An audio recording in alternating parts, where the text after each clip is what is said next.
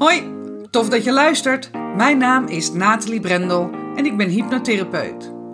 Ik vergelijk hypnose met hydraterende littekencrème. Smeer het op innerlijke littekens, die zijn veroorzaakt door trauma's, angsten en beperkte overtuigingen. En het litteken kan weer soepel worden. De pijn kan eruit.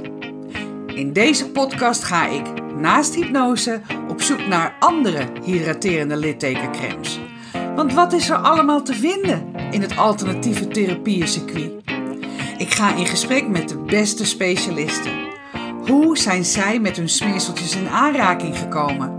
Wat was het moment dat ze dachten: dit is te gek, hier ga ik in verder? En wat doet het precies? En ik spreek ervaringsdeskundigen. Waarom zijn ze juist deze therapievorm gaan volgen? En wat heeft het ze opgeleverd? Kortom, de verhalen achter de kremmetjes. Welkom bij Smeren met Brendel.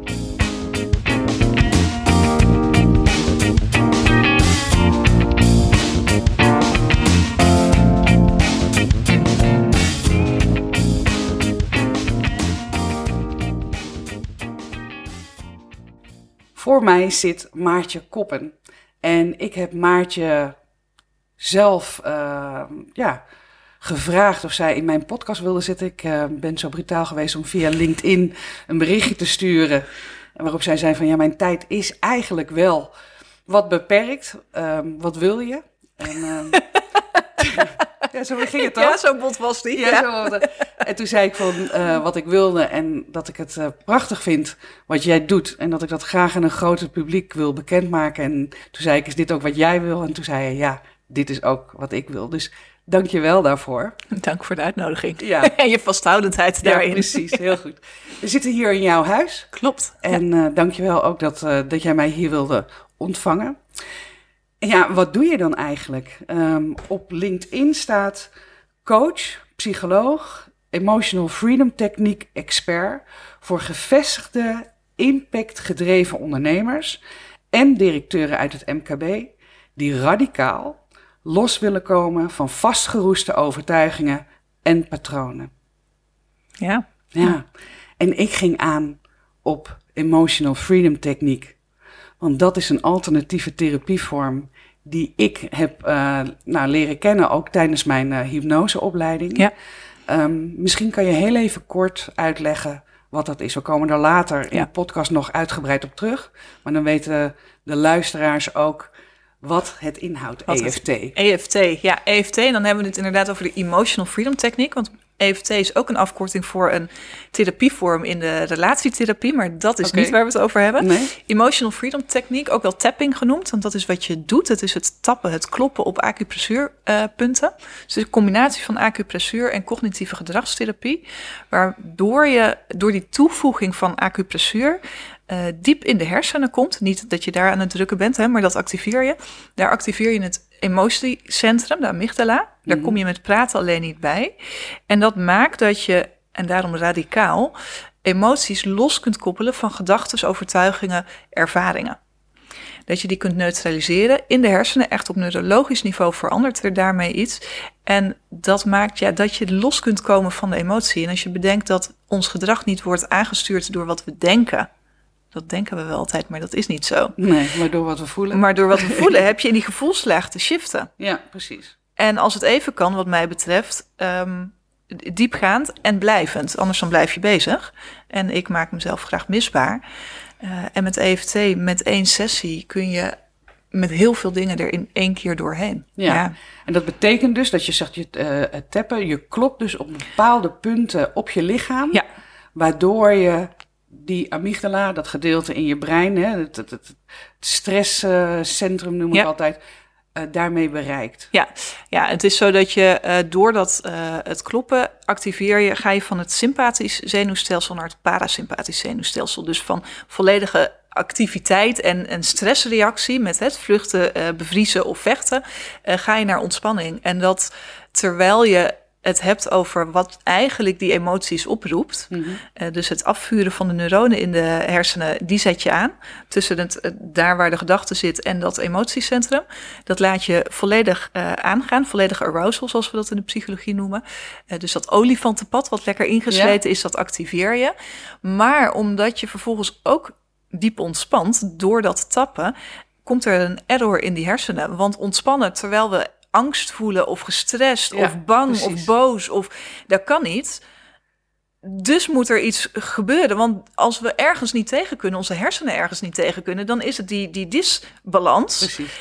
Ja, en dan gaan er dus dingen shiften. En wat er dan shift is niet dat we volledig in de stress raken. Want die, dat tappen is sterker dan het oproepen van die emoties, van die ja. negatieve emoties.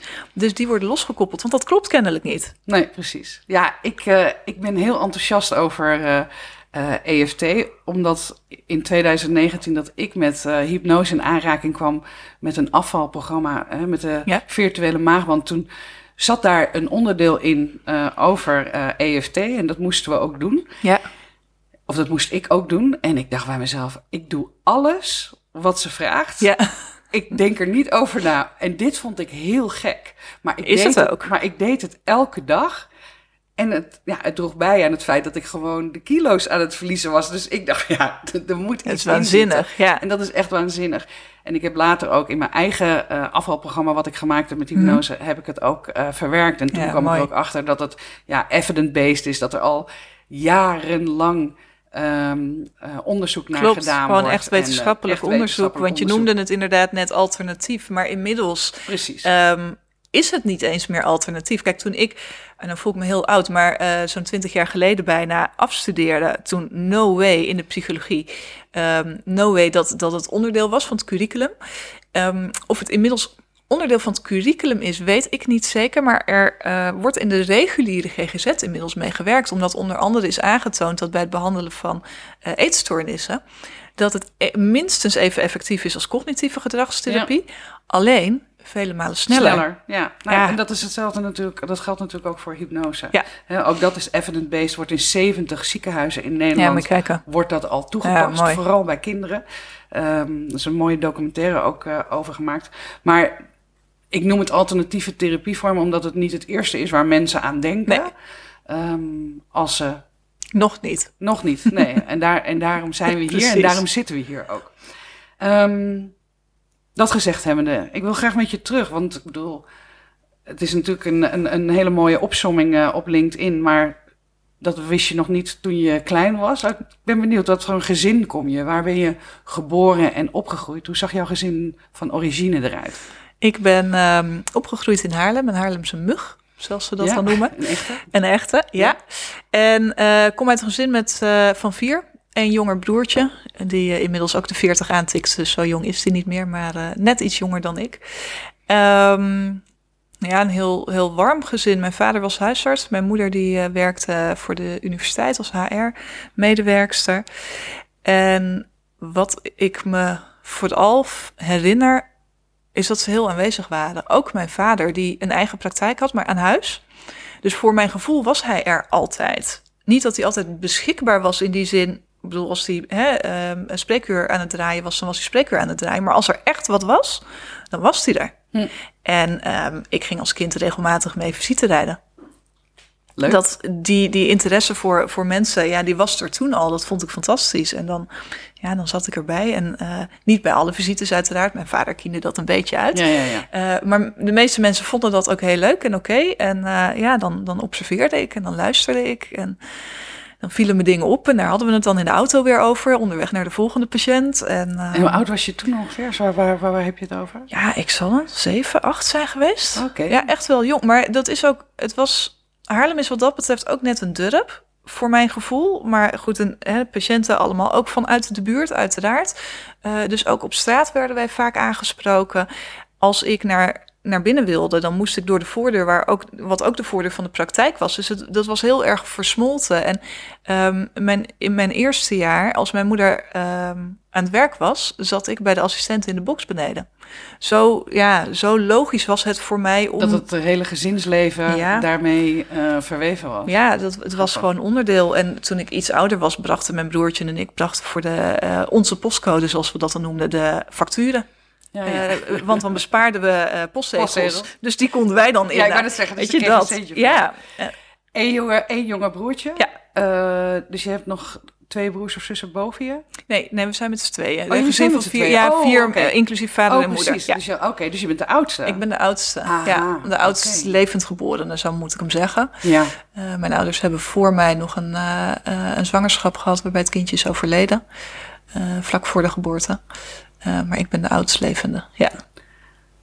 Welke rol nam je dan in ook eigenlijk als middelste in, daar, in dat gezin? Wat was jouw ik heb volgens mij wel altijd de rol van oudste op me genomen. Um, niet zozeer in het losbreken. Want dat, ik was. Mijn ouders hebben altijd gezegd van je, je, je hebt tot je vijfde of zesde heb je gepubert. Peuterpuberteit, die was uh, pittig. Mm -hmm. um, en toen toen was het ook wel weer gedaan. Ik heb niet enorm als kind, als puber gepubert. Dus in die zin niet de banen vrijgemaakt voor mijn broertje. Dat heeft hij zelf, zelf moeten doen. Ja, dat heeft hij zelf moeten doen. Heeft hij zelf ook gedaan. Um, maar wel, ja, de, ik kon behoorlijk bazig zijn. Ik, uh, ik stippelde het wel uit. En als wij samen speelden vroeger, mijn broertje en ik, dan bepaalde ik toch wel wat er gedaan werd. Ja, ja. En uh, tot, op een tot een bepaalde grens. En als ik die overging, dan, uh, uh, nou, dan, dan, kon ik het ook voelen. Ja, ja letterlijk. Dan kreeg, je, dan kreeg je de knal voor je kop Ja, en dan, dan vluchtte ik de praktijk in. Want dan wisten we, als we daar herrie maakten, dan, dan waren we echt de sjaak. dus dat was dan mijn dat is wel veilige... Ja, ja, ja. Ja, ja, ja, ja, heel clever. Dus jullie waren met z'n vieren thuis. Jij was de oudste, in ieder geval levend geboren in dat gezin. Je zegt het was een harmonieus gezin. Ja. Mijn vader was wel aan het werk vaak natuurlijk, kan ik me voorstellen. En je moeder, wat deed zij? Zij was HR-medewerker. Werkte zij fulltime? Nee, parttime. Ik denk 2,5 dag in de week. Denk ik. 2,5 of 3. Ja. Zij hadden ook oppassen. Ja, en, ja. Uh, uh, ja maar op, ja, op de belangrijke momenten was ze er gewoon. Als ik je zo hoor, dan voelt het gewoon aan als dat het heel warm, veilig. Ja. Ja, eh, is heel stabiel. En op een gegeven moment hebben we wel een, een wat uh, woeliger periode gehad. Omdat het met zowel mijn vader als mijn moeder niet, niet lekker ging. Mijn vader heeft ook een tijd zijn werk neer moeten leggen. Dat was toen ik in de vijfde of zesde middelbare school zat. Nou ja, dat voelde ik haar fijn aan. Ik weet nog dat ik, dat ik ziek uh, naar huis ging vanaf school. En ik was nooit ziek, maar ik was ziek, dus ik ging naar huis. En dat was de dag dat mijn vader zijn werk neerlegde, omdat het niet meer ging. Daar werd eerder nog niet over gesproken, was bij ons niet bekend, maar ik voelde dat dus kennelijk toch aan. Ja, en, en uh, dat het niet meer ging, had hij zeg maar, een burn-out-achtige klachten? Ja, daar, uh, ja. Als ja. je dat nu zo zou benoemen? Ja, zeker. Ja, op zijn minst. En uh, dat betekende dat hij gewoon, gewoon niet meer goed um, geen focus kon houden. Dus dat werd gevaarlijk. Ja dus dat is, en daar is hij op tijd mee gestopt, uiteraard. Maar je hebt als, als huisarts natuurlijk wel je focus nodig om, uh, ja, om, om juist de medicijnen voor te kunnen schrijven, et cetera. Juist de behandelingen. Ja. En hij heeft dan waarschijnlijk, hè, die dag dan waarop jij ziek naar huis kwam en hij stopte. Uh, daar zit natuurlijk waarschijnlijk een periode aan vooraf. Ja. Waarin, daar, waarin hij zich ook niet goed heeft gevoeld. Nee, eens. En dat, dat dat gemerkt? Niet bewust als daar werd niet over gesproken, wel toen het eenmaal zover was. Um, en in diezelfde periode is ook mijn moeder thuis komen te zitten. En ja, welke volgorde, dat weet ik niet meer precies. Met dezelfde maar, klachten? Ja, ja dus dat was, uh, dat was intens. Ja, dat, hoe is dat dan voor jou als uh, uh, oudste dochter? Voel je verantwoordelijkheid voor je ouders daarin? Of hoe heb je dat toen ervaren? Ik weet, ik kan me nog heel goed die ene dag herinneren. Um, toen zijn we naar Amsterdam gegaan met z'n drieën. We waren ziek, allemaal. Ja. Uh, maar we hadden ook even verandering van omgeving, uh, het verzetten van de zinnen uh, nodig. Dus, dus ik ben met, met mijn ouders naar de pijp gegaan en we hebben daar rondgelopen en een beetje. En dat was ook oké okay tegelijkertijd. Dus ja, het ging minder met ze. Um, En er was ook gewoon nog tijd om te genieten. En er kwam juist meer en meer tijd om te genieten. En ik weet dat ze op een gegeven moment terugkwamen van therapie of whatever. En dat ze zeiden, ja, we gaan jullie even waarschuwen. Dus mijn broertje en ik, we dachten echt, oh kak, wat hebben we nu weer uitgefroten. Ehm, we gaan uh, vanaf nu vaker zeggen dat we van jullie houden.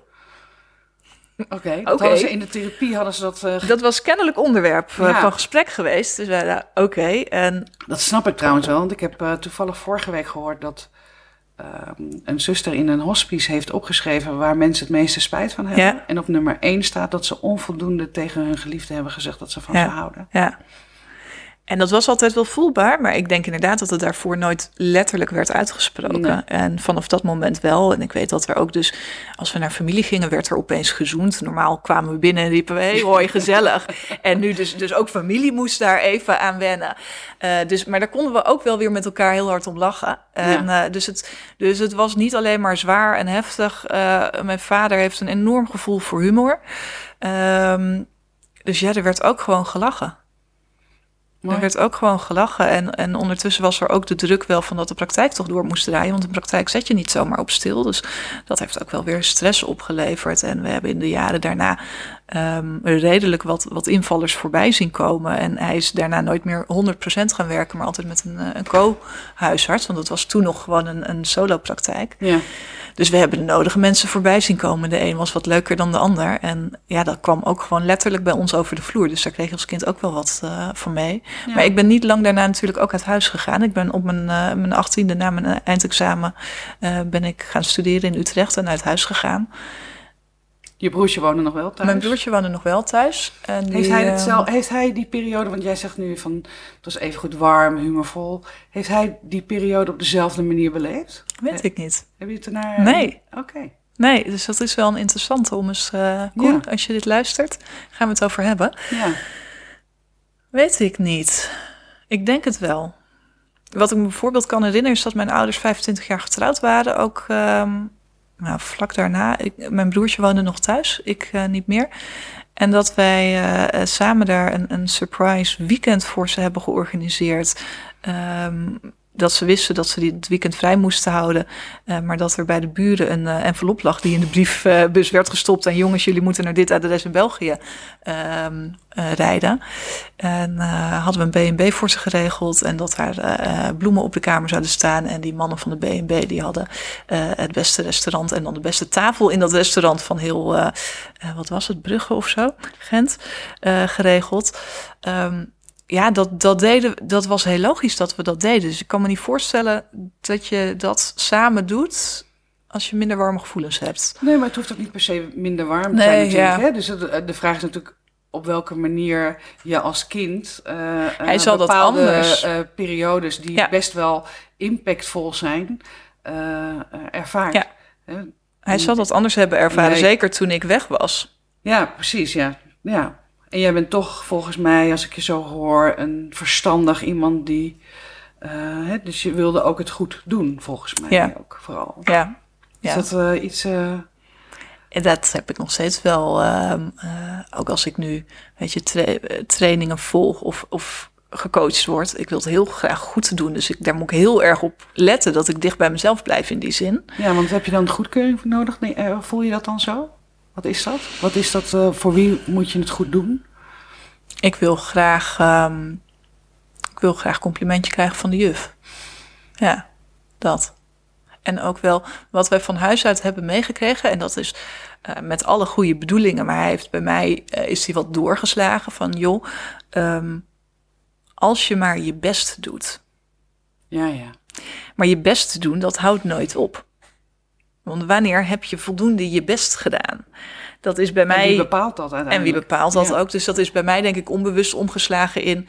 Um, je moet je uiterste best doen. Ja. He, en dan maken cijfers die je uiteindelijk haalt, maken uh, niet uit als je je best maar hebt gedaan. Wat op zich een hele mooie, uh, mooie boodschap is. Maar ook die mag weer uiteraard genuanceerd worden. En daar ben je als kind nog niet helemaal toe in staat. Nee. En ik realiseer me dat we op het punt staan om onze jongens deze boodschap nu ook mee te krijgen, geven. ja. Dus dat we die uh, ja, wel ook mogen nuanceren. Oh, maar wat een, dat is dan wel een mooi inzicht. Ja. Dat je dan ook ziet dat je dat toch meeneemt. zelf uh, uh, ook doet. Dat het echt een patroon is. Ja. Terwijl ehm, de kinderen het waarschijnlijk ook al meekrijgen, alleen al door naar jullie te kijken. Absoluut. Ja. Dus je hoeft het eigenlijk niet eens meer op die manier te benoemen. Ja. Je bent het huis uitgegaan. Ja, Je bent gaan studeren in Amsterdam, zeg je? Utrecht. Of in Utrecht? Ja. Excuus. Hoe was dat voor jou? Die... Ja, dat was wel spannend. Ik had enorme last van heimwee als kind. Bizarre last van heimwee. Dus toen ik op kamers ging, hield de hele familie hield zijn hart, Hard vast. Mijn nicht die woonde in Zeist, dus die stond, eh, die stond Paraat. paraat. Ja, echt hè. Ik weet nog de uitdagen zoals je die dan hier hebt in, eh, in Utrecht. En dat zijn de, de introductiedagen. Ehm, ja, was er ergens een sporthal geregeld waar je dan, als je nog niet in je kamer kon, kon, kon slapen. Nou, ik vond het vreselijk. Dus ik ben na de eerste nacht, Al- stond ik 's ochtends om acht uur al te bellen op de Oude Gracht. Miek, mag ik alsjeblieft bij jou komen logeren? En eh, eh, zo ben ik die eerste week doorgekomen. Eh, toen, kwam ik, toen kon ik mijn kamer in. Nou, na één nacht ben ik weer naar Haarlem gegaan om toch even mijn ouders gedag te zeggen. Die stond echt te kijken, wat doe jij hier? En ehm, dus dat was heel spannend. En ik heb het enorm getroffen met het huis waarin ik terecht kwam. En eh, ja, ik denk dat ik het tweede weekend al niet meer naar huis ging. Ik wil net zeggen, wat veranderde er voor je? Want je, hè, nogmaals, je bent als kind serieus, best doen. Enorm verweven met je ouders ook, in Ja. het gezin. eh, veel dingen samen doen. Ja, dus daar ben ik wel echt eh, ja, losgekomen. Ja. Ehm, niet losgeslagen. Ik, ben nog, ik was nog steeds wel dat verstandige, brave mij. Absoluut. Ja hoor, ik, wa ik was die student die de dag voor het tentamen eh, ging shoppen. Omdat ik alle stof al tot me had genomen. Ik was altijd ruim voor mijn tentamens was ik uitgeleerd. Eh, waar andere studenten dan nog tot midden in de nacht zaten te blokken, had ik dat al zo ver van tevoren gepland. Omdat ik een hekel heb aan te laat zijn of in tijdnood komen. Dus ik plan alles ruim vooruit. Grappig zeg. Ja, We hebben het net, eh, voordat we dit eh, gesprek begonnen met opnemen... dat ik Over- je vertelde over dat ik, dat ik zo in het laatste moment Ja. eh, leef... En, en wat dat voor mij betekent. En jij hebt dus... Wat, wat is dat, denk je, als je daar naar kijkt? Wat, wat, ehm, ja, wat voor een patroon heb je daarin ontwikkeld? Wat, Nou, wat het- brengt het je? Wat levert het je op? Ik kan enorme stress krijgen als ik denk te laat te komen ergens op een afspraak ehm, of als ik iets niet red. Dus als je het hebt over iets als studeren, ja, weet ik veel hoe, hoeveel tijd ik daar precies voor nodig heb. En als ik in de knel kom, ik ben geen nachtmens, absoluut niet. Dus dat was voor mij geen optie om dan maar een nacht door te halen. Ehm, en om mezelf die stress te besparen, heb ik dus al redelijk vroeg bedacht, ja, dan is het een kwestie van gewoon vroeg plannen zodat ik ehm, uitwijkmogelijkheden heb. Dus als ik denk vijf dagen nodig te hebben, begin ik zes dagen van tevoren en dan eh, is het vaak in vier dagen klaar. Dat ook nog eens. Ja, en dan denk je niet de volgende keer van... oh, ik had de vorige keer maar vier dagen nodig. Laat Nee. ik nu eh, op dag vier beginnen in plaats van op dag zes. Dat nee, je omdat, ik het dus ook, omdat ik het dus ook gewoon oprecht relaxed vind. Ja, Om dan die dag. dus het brengt je rust. Ja, het brengt me enorm veel rust. Ja. Dat, eh, hè, gisteren had ik een afspraak buiten de deur. Ja, dan kies ik er heel bewust voor om gewoon een uur eerder daar naartoe te gaan. En dan daar nog een uur te zitten werken. Zodat ik niet stipt op mijn horloge hoef te kijken van... oh, ik moet nu echt de deur... En ook dat gebeurt inmiddels wel hoor. Maar als het even kan, dan, dan dat voelt echt als luxe. Ja. De luxe om, ja, om niet strikt op mijn horloge te hoeven leven. Ik heb ook geen horloge. Ik ga, ik ga eh, kijken of ik daar iets van kan overnemen. ik was hier om vijf minuten voordat we hadden afgesproken. Ja. Ik vond dat ik heel, Dat is keurig toch? heel keurig vond Ja? ik het van mezelf. Ja. Maar ik, ik zou ook zomaar om tien uur kunnen komen. Of weet je zo. Dus ehm, Maar Die- die alleen, als het, alleen als het goed voor je voelt. Hè? Ik bedoel, Ja. ik doe het hier goed op, maar ehm, mijn Nee, broertje. Nou ik absoluut zeg, niet. Wat ik, wat ik, ehm, wat mij, eh, dat, dat vertel ik ook laatst in een post. Wat, het is niet zo dat ik dan dingen ga afraffelen, Nee. snap je? Mhm. Want dat zit helemaal niet in mij. Maar ik ga dan wel die, die nachten door. Ja. Of eh, eh, ik soupeer tijd op die ik voor mezelf had besteed. Ja. Door gewoon even te ontspannen of dat boek te lezen of te wandelen of wat dan ook. En denk, Ja. en dan- want ik denk altijd dat ik veel meer tijd heb dan dat ik daadwerkelijk heb. Ik begin op dag vier en ik heb er zes nodig. Zeg precies. Ja, ja, Dus dan- ja. En dus dan, dan fabriceer je die. eh, Ja, Ja, dus- precies. Ja, precies. Ja, maar zonde als dat inderdaad ten koste gaat van. Ja.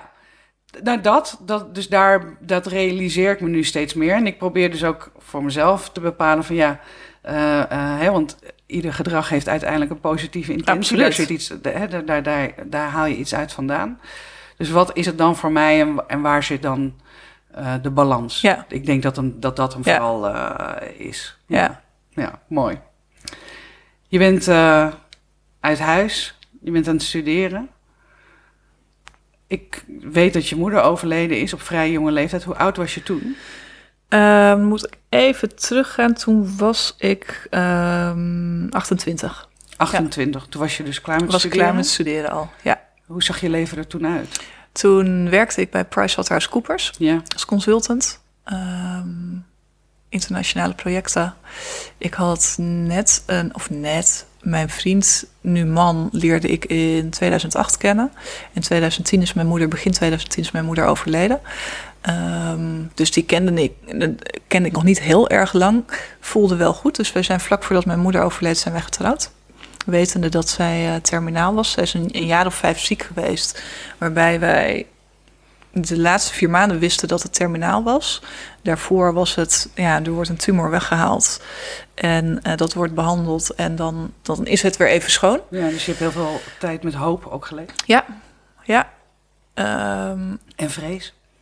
Ja, ook wel. Weet je, elke, elke operatie is weer spannend. Elk onderzoek is weer spannend. Eh, die operaties die volgden elkaar steeds sneller op, omdat het steeds sneller terugkwam. Dus de zomer voordat zij overleed, eh, is een, eh, een heel zwaar traject ingegaan van bestralingen.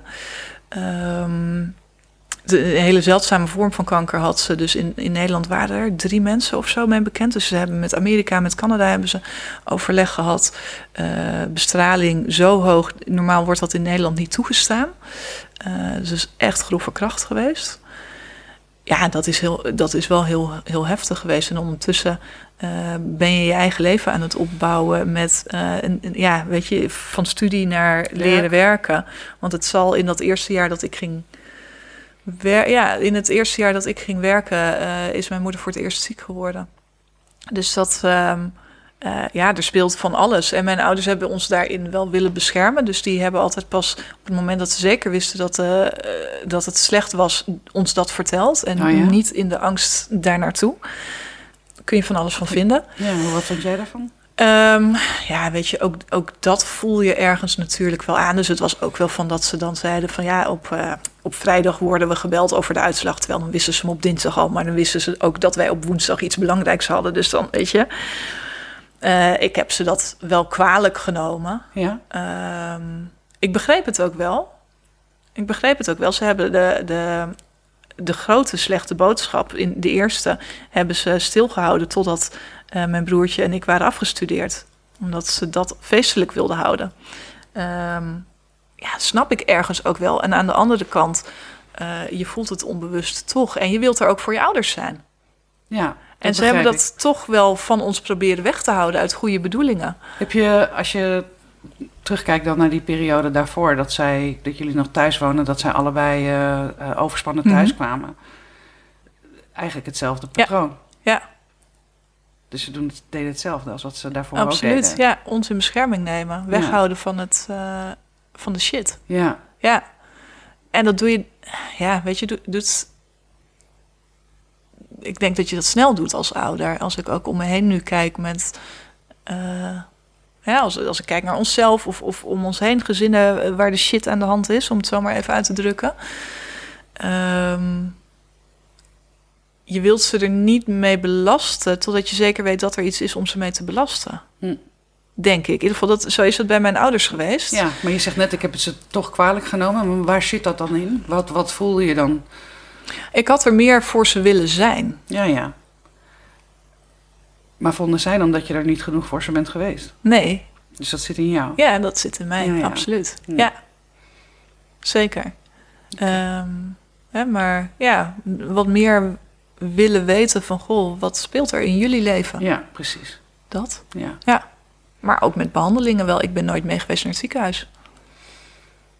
Terwijl mijn moeder werd in, eh, in Amsterdam, in het Antonie van Leeuwenhoek, werd ze behandeld. Dat was op een kwartiertje fietsen van ons huis. Want we Ja. woonden in Amsterdam op dat moment. Bizar, maar ja, dat, nee, Nee. nee. Ik herken dat wel. Ja? Ja, mijn vader is overleden dat ik 22 was. Hm. Ik heb, dat, ik heb daar ook helemaal niet veel van meegekregen.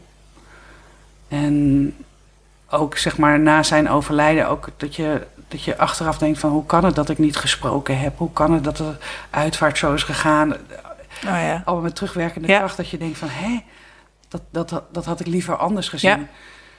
En ehm, ja, ik, ik, ik heb niet, het- niet het gevoel dat ik, ze echt kwa, dat ik het er echt kwalijk heb genomen. Maar wel dat ik, inderdaad wat jij net zegt... eh, dat je meer onderdeel van dat proces had willen zijn. Omdat het ook onderdeel is van het leven. En Nou, dat, dat. het- weet je, en, en daar... eh, ja, dat, dat, dat voel ik zeg maar met terugwerkende kracht nog wel. Ja. Ja, en kwalijk genomen ook jammer. niet in de zin van, van boos, maar meer ehm, Ja, van- verdrietig ja, erover. verdrietig erover. Ja. Ja, snap ik heel Ja. goed. Dat snap ik heel goed. Maar je bent dus getrouwd. Snel. We hebben in acht weken hebben we die bruiloft geregeld. En wat fijn dat je dan gewoon de goede vent al gelijk had Ja. getroffen. Dat was best fijn. Was ook wel een dingetje. Want dan moet je je voorstellen dat we dus ehm, op de bank zaten de avond nadat we hoorden... eh, s smiddags dat mijn moeder terminaal was. Ja. En dat je het dan hebt over, ja, wat wil je dan nog? En dat er bij mij naar boven kwam, ja, dan wil ik nog trouwen. Maar dat ik ook dacht, ja, zijn wij al zover? Wil hij dat ook? Als ik dat nu ga zeggen, dan voelt hij zich verplicht. Want ach ja, de- haar moeder, haar moeder Ja, ligt dood te gaan. Dus, dat is toch, dus daar wil je het niet uit. Maar ja, als ik het niet zeg en hij komt er zelf niet mee... en hoort dat achteraf en zegt dan... ja, maar ik had ook gewist. Ja, weet ja. je, dus dat was heel ingewikkeld. Dus ik zat daar op die bank en ik keek hem aan. Ik zeg, ja, ik weet wel wat. En hij keek mij aan en hij zei, ja, ik weet ook wel wat. En dus we hebben het woord niet uitgesproken, maar we zijn het wel gaan regelen. En twee weken later werd ik eh, weggekaapt op een eh, event van mijn werk. En ehm, had hij een enorm aanzoek geregeld. Oh, wat mooi. Ja, Tof. ja. Ja, fijn En acht dan. weken later eh, ja, st- stonden we daar voor het altaar. Ja. Dus dan, aan de andere kant is dat dan ook weer mooi, hè? Dat Want heel ik mooi. bedoel, jij bent een, eh, eh, wat je net zegt, een, een planner. Ja. Eh, alles van tevoren tot in detail het liefste. En nu Nou, Dus ik een zeg soort ook, vette compli en, en in acht weken regel je het. Ja. En, en, en voel je ook waarschijnlijk de spontaniteit en, en alles wat zich Absoluut. En, en was ik ook, weet je, en dat is ook wel, ook, ook in latere momenten in mijn leven, dat, het, dat het kritisch werd, het leven. Ehm, kan ik me ook overgeven aan, oké, dit is wat het is en wat is er in, in deze situatie, in deze setting nu nog mogelijk. Ja, En daar dan het maximale uithalen. Ja, mooi. Je bent getrouwd. Ja. Hoeveel weken later overleed je moeder? vier weken. Vier weken. Ja. Dus dat was, wij hebben de, de honeymoon op een woonboot eh vlakbij Haarlem eh, doorgebracht. Om zoveel mogelijk tijd samen nog eh, te hebben. Ja. Hoe was dat voor jou na haar overlijden? Ja, het was heel heftig. Was heel heftig. Dat, mijn moeder en ik waren heel close. En niet dat wij vriendinnen waren. Eh, gewoon wel echt moeder-dochter. Maar in de tijd, ik ben lang vrijgezel geweest. Ja, belden wij meerdere keren per week. Eh, ik ging ook nog wel met mijn ouders mee op tripjes. Als ik eh, geen partner had om mee op vakantie te gaan bijvoorbeeld. Ik besprak heel veel met mijn moeder. Eh, dus dat was, ehm, ja, ik ben diep gegaan. Mijn, eh, eh, mijn man, die, eh, nou, daar hadden we het ook hiervoor net even over, die speelt muziek op hoog niveau. Dus die was ook met regelmaat naar repetities. Ja, ik heb, ja, ik- in die momenten dat ik alleen was, ben ik diep gegaan. En wat betekent dat voor jou? Diep gegaan? Hoe ziet dat eruit? Hoe zag dat eruit op dat Ja, moment? gewoon liggend op de keukenvloer, huilen, huilen. Ja, echt heel, heel diep, heel heftig. Ehm, En wat voelde je dan? Was het gemis? Ja. Niet het waarom of zo. Die waarom-vraag van waarom nou zij, die, die is er... Ja, weet je, ja, shit happens. Heel, heel rationeel weer. Ehm, maar wel het gemis en hoe het, het nooit meer... Ja, vond ik zo'n bizar iets. Zo bizar. ehm, dat ik ook wel in de auto heb gezeten en heb gedacht... wat als ik nu het stuur omdraai? Serieus? Ja. En nooit, nooit echt. Nooit echt. Maar ik weet dat ik er met een, een vriend van mij over heb gesproken... die zijn moeder een paar jaar daarvoor ehm eh, kwijtraakte, verloor. En zeg, ja, dat heb ik ook. Wauw. En dus ook weer overgegaan. Hè? En ik ben daar op mijn werk goed begeleid. Ik heb een rouwcoach gekregen. Heb ik heel veel aan gehad. Ja, wat mooi dat, uh, dat dat dan gelijk beschikbaar is ook. En dat Nou- je daar ook eh, voor open staat. Ja. Ja, ja iedereen zei van, hè, neem de tijd. Ja, oké, maar wat doe ik dan met die tijd? Ja. Ik, ja, niemand die je uitlegt hoe je moet rouwen, Rouwen. dat leer je niet. Dat leer je Nee. pas op het moment dat je erdoor moet. En dan is het nog voor iedereen anders ook natuurlijk. Dus ik ben ook wel op zoek gegaan naar boeken, maar dan heb je boeken voor kinderen, voor kinderen die hun ouder verliezen, dus, dus onder de tien of, of soms nog een puber zijn. Maar voor jongvolwassenen was er niks. De, dan waren de boeken als je je partner verliest. Ehm, of je kind verliest. Maar ook al was ik dan 28, ik was nog steeds kind van mijn moeder. Precies. En eh, daar kon ik niks over vinden. Dus ik, ik had geen idee wat ik ermee aan moest. En het toeval wilde dat de dag na mijn moeders overlijden... ehm, de echtgenoot van mijn directe collega overleed plotsklaps. Dus wij zaten, er was een team van, van vijf of zeven, zeven. Dus wij zaten opeens met twee rouwenden. Ehm, en voor haar werd heel snel ondersteuning gezocht. En daar heb ik op mee kunnen liften.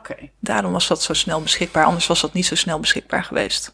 En daar heb ik gewoon wel echt, nou ja, in die zin, het is een beetje raar in deze context, maar geluk mee gehad. Ehm, Ja, ja, dat, dat denk ik ook. Want ik, een rouwcoach, ik hoor het nog niet heel veel. nee, Terwijl, inderdaad, wat jij net zegt, eh, rouwen.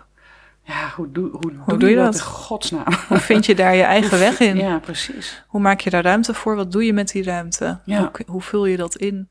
Ja, dus dat, daar heb ik, heb ik veel aan gehad. Heeft, eh, eh, maar, maar nog bleef het gemis. Ja. Ja, dat, volgens mij blijft dat altijd. Tuurlijk, ja. Ehm, Ik heb ook nog, kan heel prima over praten, maar ik kan echt nog momenten hebben dat ik zo verdrietig erom word voor Ja. alles, voor het gemis vooral. Ja. Dat, ehm, dus die voel ik wel. Ehm, je bent, wat ik las ook, een half jaar heb je een sabbatical eh, Ja. genomen. Is dat in die periode ook geweest? Dat is, ehm, even nadenken, ongeveer een jaar later geweest.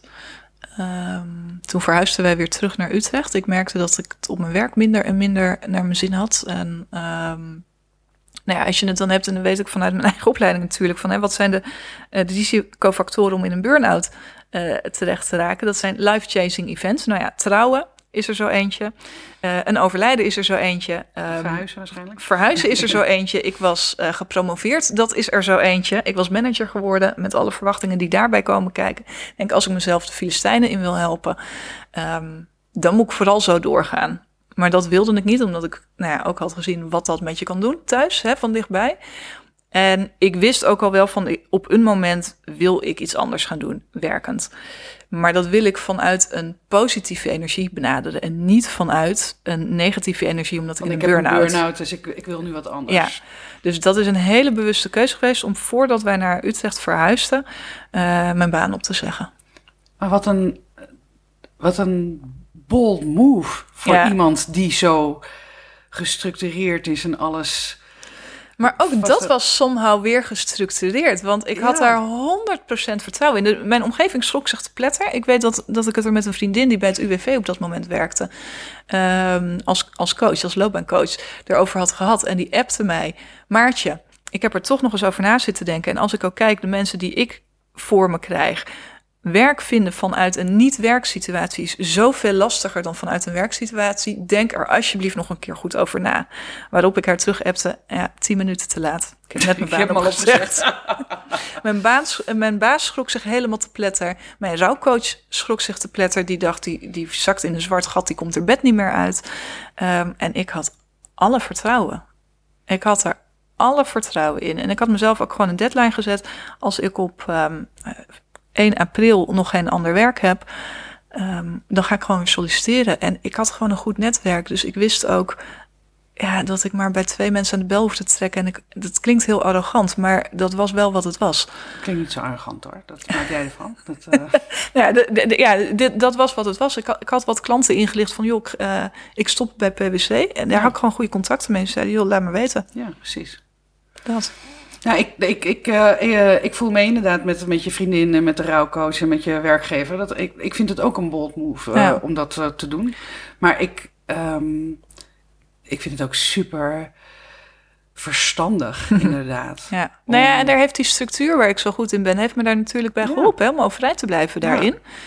Ik heb dat heel gestructureerd verder aangepakt, die hele verhuizing. En daarna, ik had een heel plan uitgeschreven wat ik ging doen om, om aan nieuw werk te komen. Ja, dat heb ik allemaal gedaan. En ging je, heb je ook, als je het hebt over rouw, Mhm. eh, had je daar ook ideeën van hoe je Ja. dat in dat half jaar ging doen? Ja, daar was ook ruimte voor. En dat, dat plande ik ook gewoon in. Soort van. in? Nou, dat plande ik in in de zin van dat ik me, mezelf daar ruimte voor gaf. Van oké, eerst rouwverwerking en, en verhuizen. En dan vanaf datum X hoef ik pas met die baan bezig te gaan. Dus in die zin plande ik hem in. En Ja. dan, nou ja, goed, weet je, dat, dat komt en gaat en dient te gaan op de momenten dat je er niet op zit te wachten.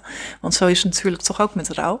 Eh, maar ik had mezelf, het was niet voor niks dat ik mijn baan had opgezegd. Nee, Ehm, dus ik heb niet meteen een nieuwe baan van het baan zoeken gemaakt. nee, precies. Ja. Hoe is het daarna gegaan? Hoe is het daarna gegaan? Toen eh, werd ik ondernemer, tot mijn grote verbazing. Mensen vroegen wel, ik wilde coach worden. Dat wilde ik eigenlijk al toen ik afstudeerde. Maar ik had zoiets van, laat mij eerst maar eens even met de poot in de klei staan. Nou, dan heb je bij PwC een aardige leerschool. eh, op meerdere vlakken. En, ehm, en fantastische tijd daar gehad, hè? don't get me wrong. Echt, echt fantastische tijd gehad. En hele gave op, eh, mogelijkheden gekregen. Grote projecten in het buitenland gedaan ook. Eh, heel veel geleerd. Eh, en op een gegeven moment was het voldoende. En Dus die erva- ervaring had je ook in je pocket gewoon op het moment dat je als zelfstandig ondernemer je in ging schrijven bij de KVK? precies. En neem ik nog steeds mee en profiteer ik nog steeds Precies. van. Ja.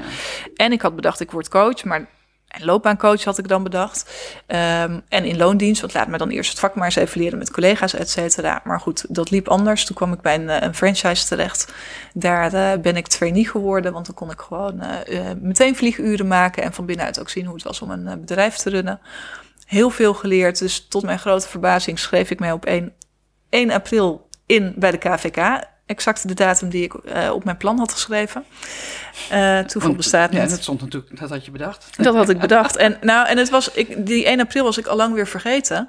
Maar op een gegeven moment kwam het dat die, bij die franchise dat ze zei van ja, maar je bent nu inmiddels zo ver. Ga je maar inschrijven bij de KVK, want ik wil een factuur sturen. Eh, en, en jij moet zelf nu facturen gaan sturen in plaats van dat wij het gaan doen vanuit eigen naam. En ik zat daar op 11 april of zo. Toen vroegen ze van per wanneer. En toen dacht ik, ja, 11 april, dat is zo'n rare datum. Doe maar 1 april. En dat vonden zij heel raar, want dat was een zondag. Ik zei, alsof iemand dat ooit Gaat achterhalen. over tien jaar Ja, nog precies. weet dat dat toen een zondag was. Dus doe maar 1 april. En ik kwam thuis En toen zag je en toen realiseerde ik me, wacht even, dit past precies. Mooi, Ja. mooi. Dus toen ben ik zelfstandig ondernemer geworden, loopbaancoach. Heb eh, een eigen loopbaanmethode ontwikkeld, programma. Ik was de, een van de eerste eh, in Nederland toen de tijd die een online programma ontwikkelde. Dat bestond nog helemaal niet. Nee. Dat was ook heel eng. Welk jaar hebben we het over? Eh, wop, 2014 heb ik dat ontwikkeld. 2014. Ja. Ja, Dus, want wanneer ben je, welk jaar heb je je ingeschreven? als- 2012. 2012.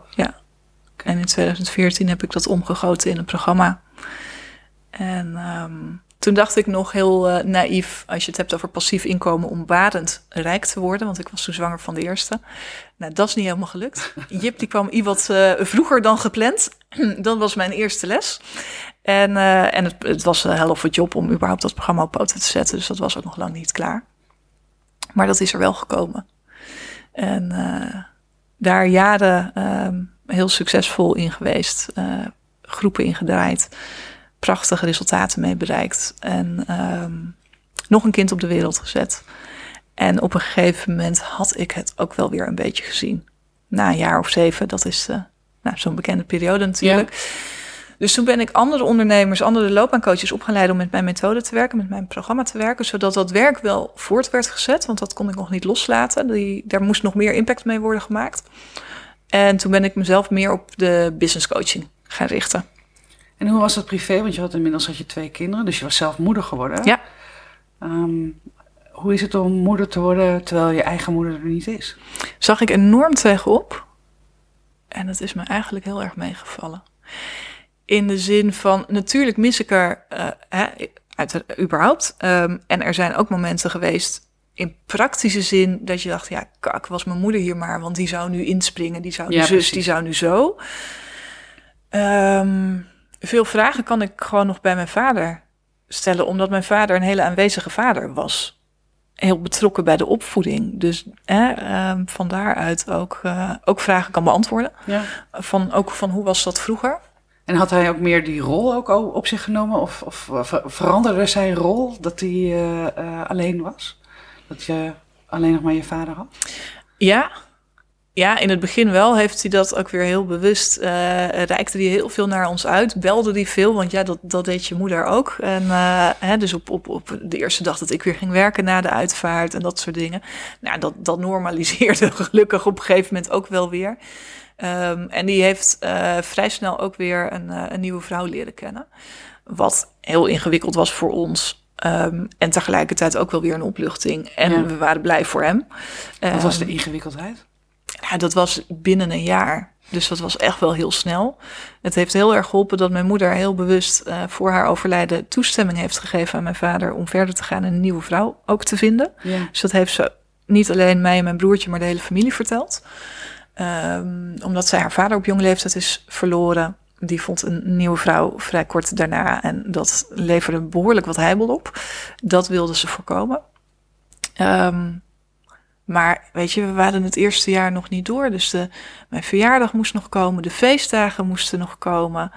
Eh, dan toch, toch een eerste reactie van... ja, maar hoezo kan jij nu al verliefd zijn Op iemand anders? op iemand anders. En mijn moeder dan, wat neemt die dan voor plek in? Achteraf begrijp ik het, of dat heeft hij vrij snel al wel ook verteld. Hij heeft ooit een voorspellende droom gehad. Zij was al vijf jaar voor het overlijden bezig met dat het overlijden eraan zou komen. Had hij dat gedeeld met je moeder? Nee, nee, om haar in bescherming te nemen. Ja, Ehm, maar dat. ehm, dus die was al veel verder in zijn rouwverwerking. En sowieso gaat dat bij mannen anders dan bij vrouwen, ben ik.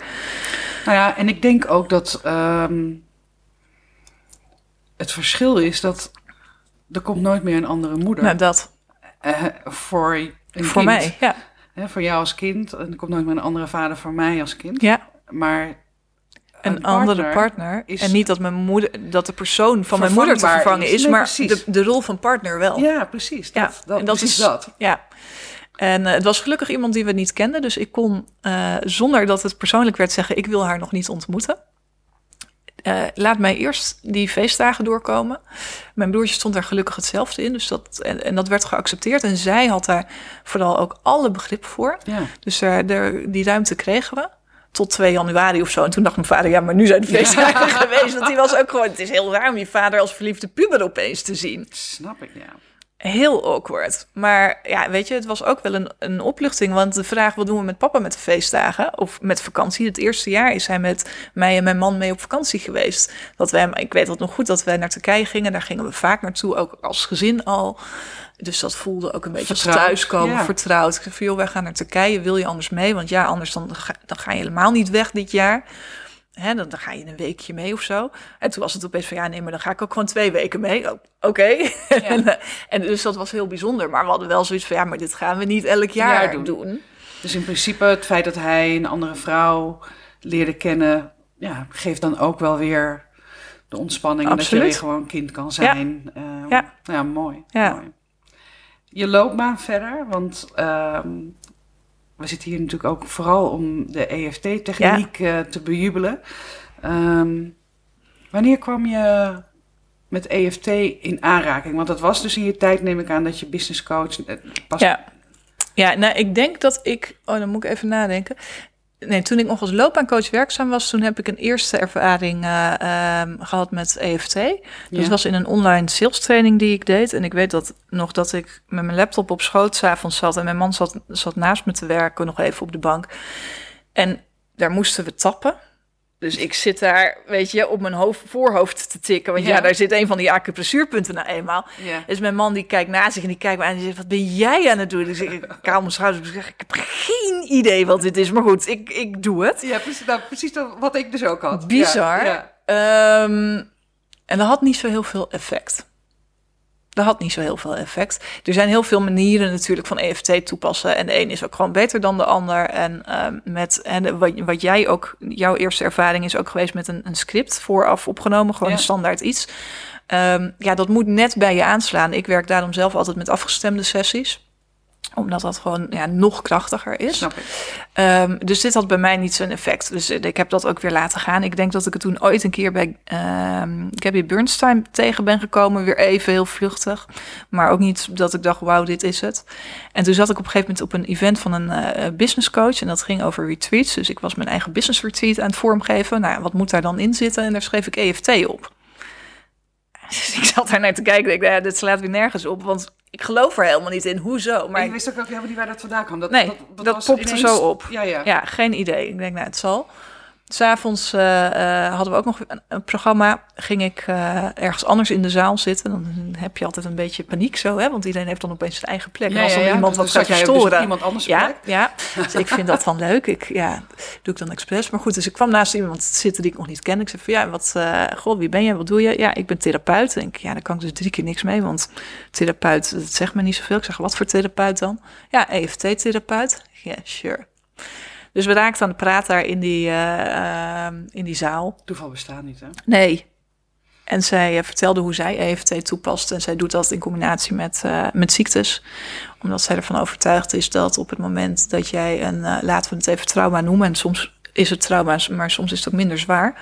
Um, maar dat blijft herbeleven als het ware. Dan blijven er signalen vanuit je hersenen ook je lichaam in worden gestuurd. En als dat niet functioneel is, dan kan dat ziekte met zich meebrengen.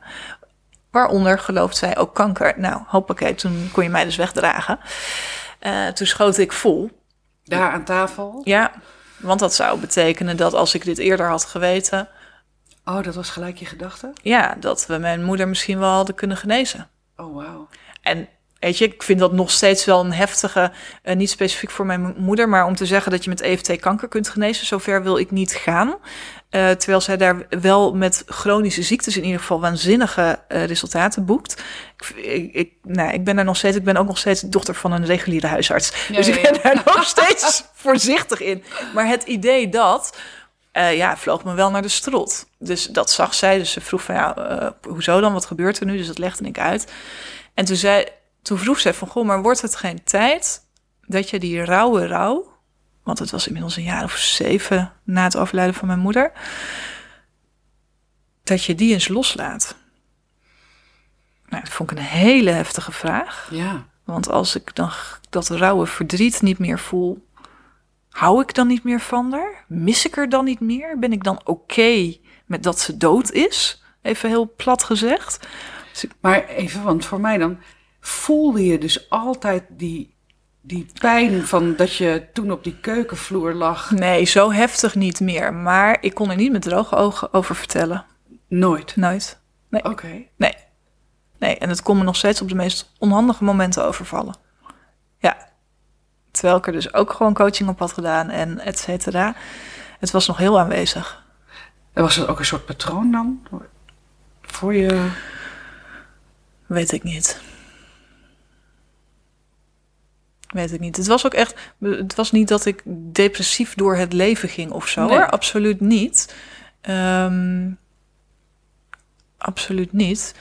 Uh, maar het, het was nog steeds wel uh, heftig onderdeel, aanwezig. En even onderdeel, onderdeel van, van mijn leven. leven. Ja. ja, zeker.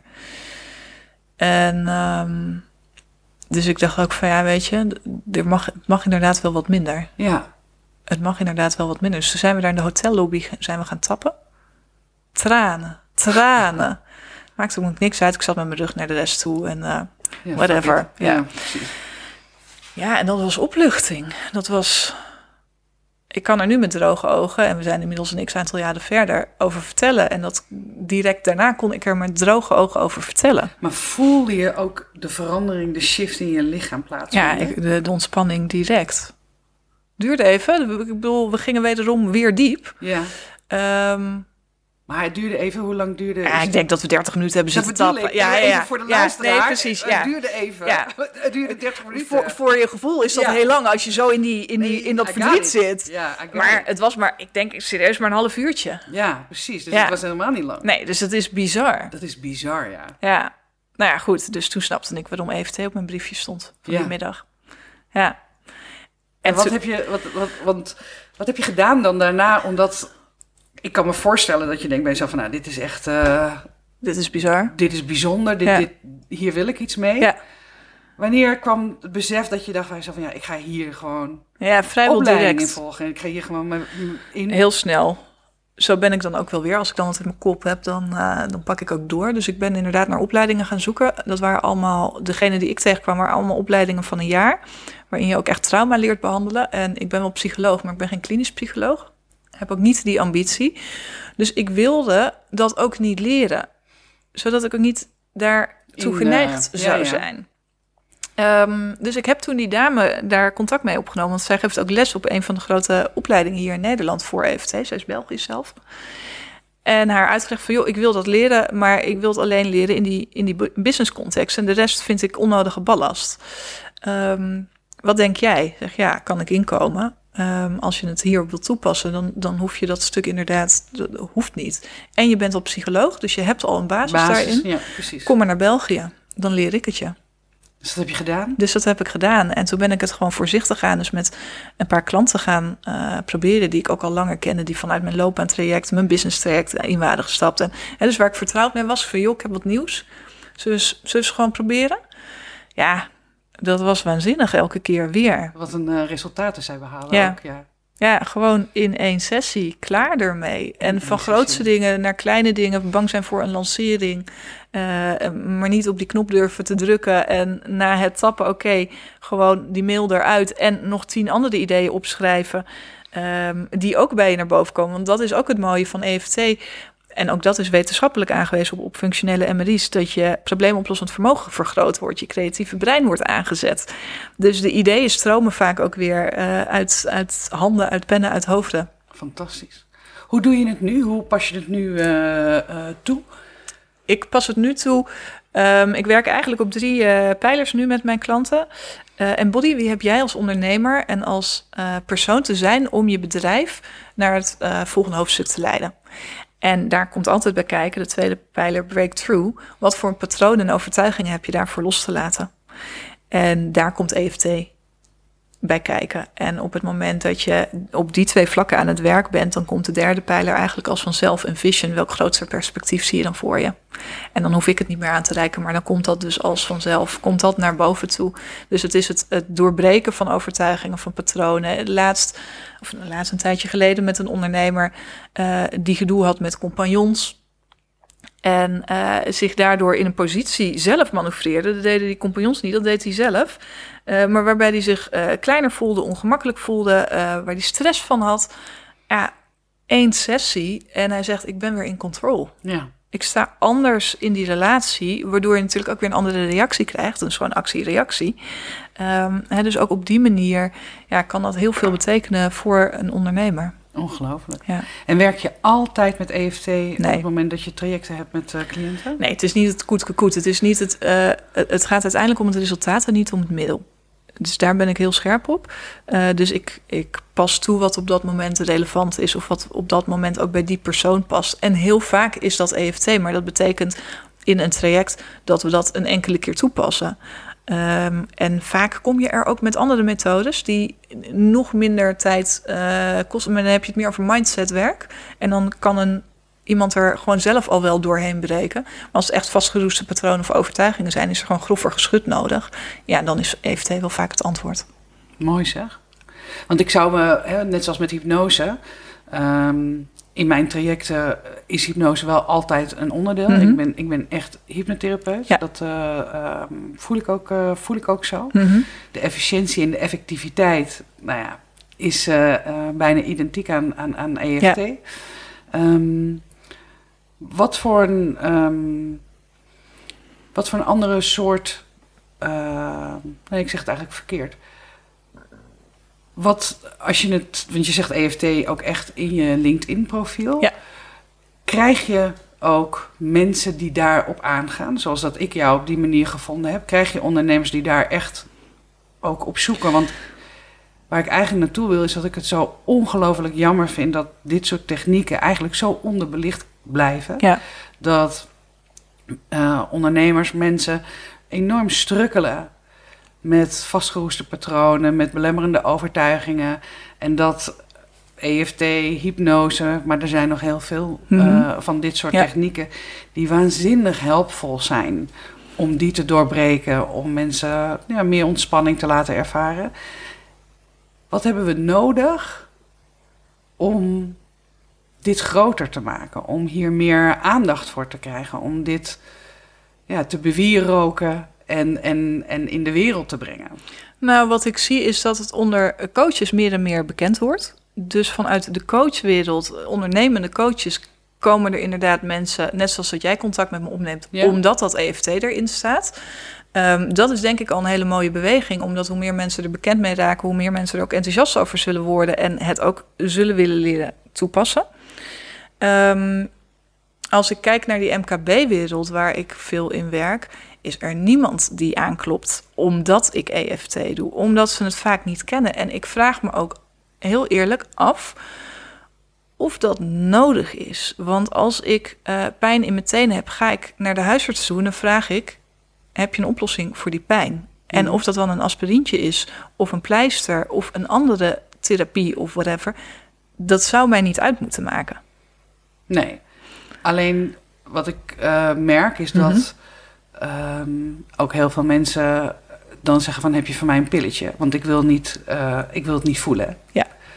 En daar zit voor mij denk nou ja, ik en daar winst. zit een stuk, eh, denk ik, bewustwording ehm, en een, een shift in. ehm, ga open het gesprek met een coach in. Wat kun je voor me betekenen? Ik loop hier tegenaan. Denk je met hoe jij werkt dat dat opgelost kan worden? Dat Ja, daar een. Ja, mooi. Hè, dus dat het openstaan voor. Want ik krijg ook met enige regelmaat de vraag van... Goh, maar in de MKB-wereld kijken ze daar dan niet raar tegenaan? Tegen dat eh, op je voorhoofd tikken? Ja. Ja. En het is ook raar, dus dat is oké. Maar, ehm, en vanuit MKB is er niemand tot nu toe geweest... die heeft oh ja, dat ken ik. Maar allemaal wel, oh, klinkt interessant. ja. Dus, Dus ze staan, er wel voor open. Nou, precies. Ja. En dat is voldoende. En ze staan ervoor open, ook omdat ze dan met je samenwerken, dat ze vertrouwen hebben in, in, in wat jij doet. En Ja. daarom werkt het. Ik bedoel, laatst ook nog iemand eh, in een sessie die zei... Ik zei, oké, dan dit lijkt me nou typisch een, een thema waar we even op gaan tappen. Ja, ja, maar dat ga ik wel raar vinden. Dat weet ik nu al. En ehm, eh, iemand die heel erg in zijn hoofd zit altijd. En eh, ja, dus ik weet dan niet of, of het me goed lukt om echt bij mijn gevoel te komen... als ik ondertussen vind dat het raar is. Ja, dat is prima. Het is goed dat je het, dat je het bemerkt bij jezelf. Dat je het doorhebt, dat je het Dat je benoemt. het benoemt, ja. En ga er gewoon in mee. Ja, het Ja. was een fantastische doorbraak die we bereikten. Ja, Dus het maakt niet eens uit. mooi. Ja, En zo bereik je dus ook ambassadeurs die het ook weer... dat. Want die vertellen zetten. het weer door. Ja. Ik wil je bedanken voor dit eh, open gesprek. Ik vond het eh, heel fijn. Ik ook. Dank En, voor de eh, uitnodiging. Ja, heel graag gedaan. En eh, nou ja, keep up the good work zou ik zeggen. Dank je wel. Ehm dankjewel. Bedankt voor het luisteren naar Smeren met Brendel. Vond je dit een toffe podcast? Laat dat dan vooral weten door een 5-sterren review achter te laten. En ken je iemand die deze podcast vast ook interessant vindt? Dan zou ik het waanzinnig waarderen wanneer je hem deelt. Wil je het direct weten als de volgende podcast Smeren met Brendel klaarstaat? Klik dan in jouw podcast-app op de button subscribe en je ontvangt direct bericht als de nieuwste podcast online staat. In de Spotify-app kan je zowel het beoordelen als het delen en het volgen van deze podcast heel eenvoudig regelen door op de drie puntjes te klikken. Super bedankt!